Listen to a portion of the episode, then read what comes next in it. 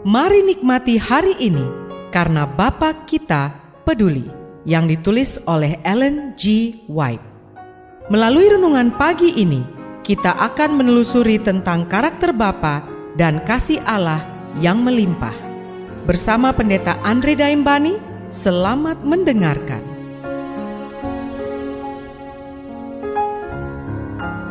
Shalom, selamat pagi saudaraku. Sepanjang bulan Agustus ini, kita akan mempelajari satu judul besar, Kasih Karunia Allah yang Mengagumkan.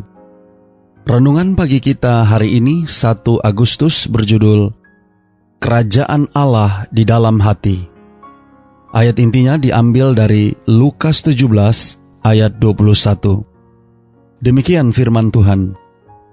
Sebab sesungguhnya kerajaan Allah ada di antara kamu. Mari kita dengarkan penjelasannya. Pemerintahan di mana Yesus hidup adalah jahat dan penindas. Di setiap sisi ada tangisan penganiayaan, pemerasan, ketidaktoleran, dan kekejaman.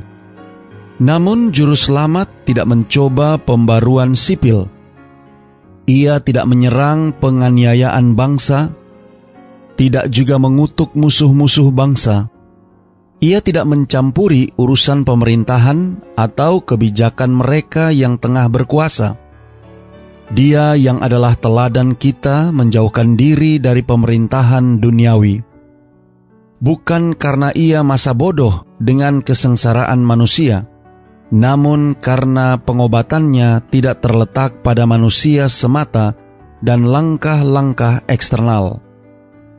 Agar efisien, penyembuhannya harus menjangkau manusia secara individual dan harus memperbarui hati.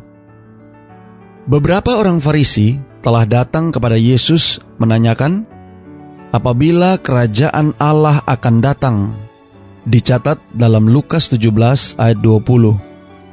Lebih dari tiga tahun telah berlalu sejak Yohanes Pembaptis memberikan pekabaran itu sehingga seperti trompet yang berbunyi di seluruh negeri, kerajaan sorga sudah dekat.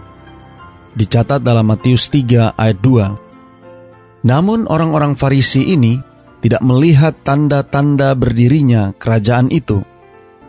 Yesus menjawab, Kerajaan Allah datang tanpa tanda-tanda lahiriah. Juga orang tidak dapat mengatakan, Lihat, ia ada di sini, atau ia ada di sana, sebab sesungguhnya kerajaan Allah ada di antara kamu. Kerajaan surga mulai di hati.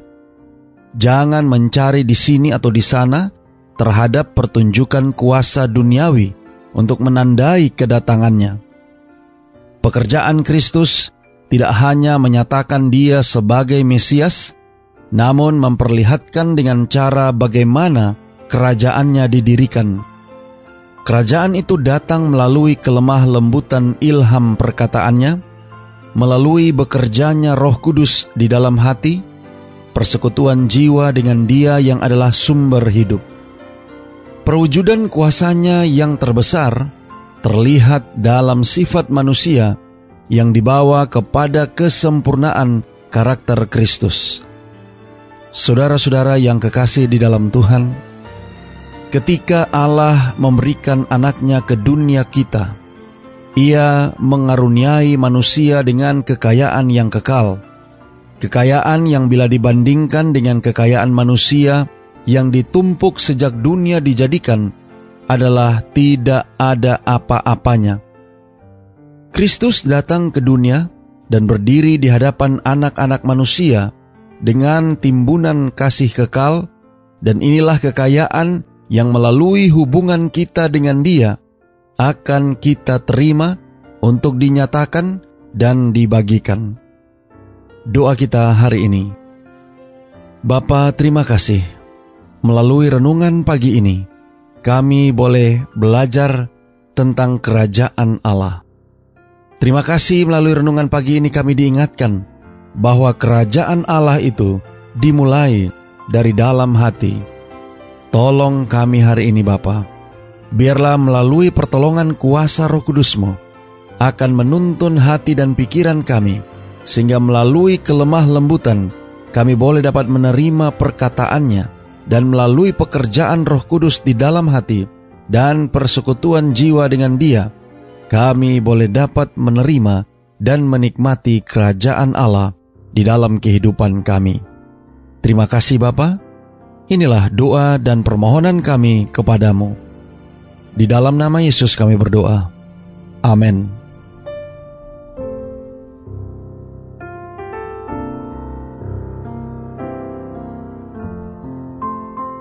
Demikianlah tadi pembahasan tentang Bapa Kita Peduli.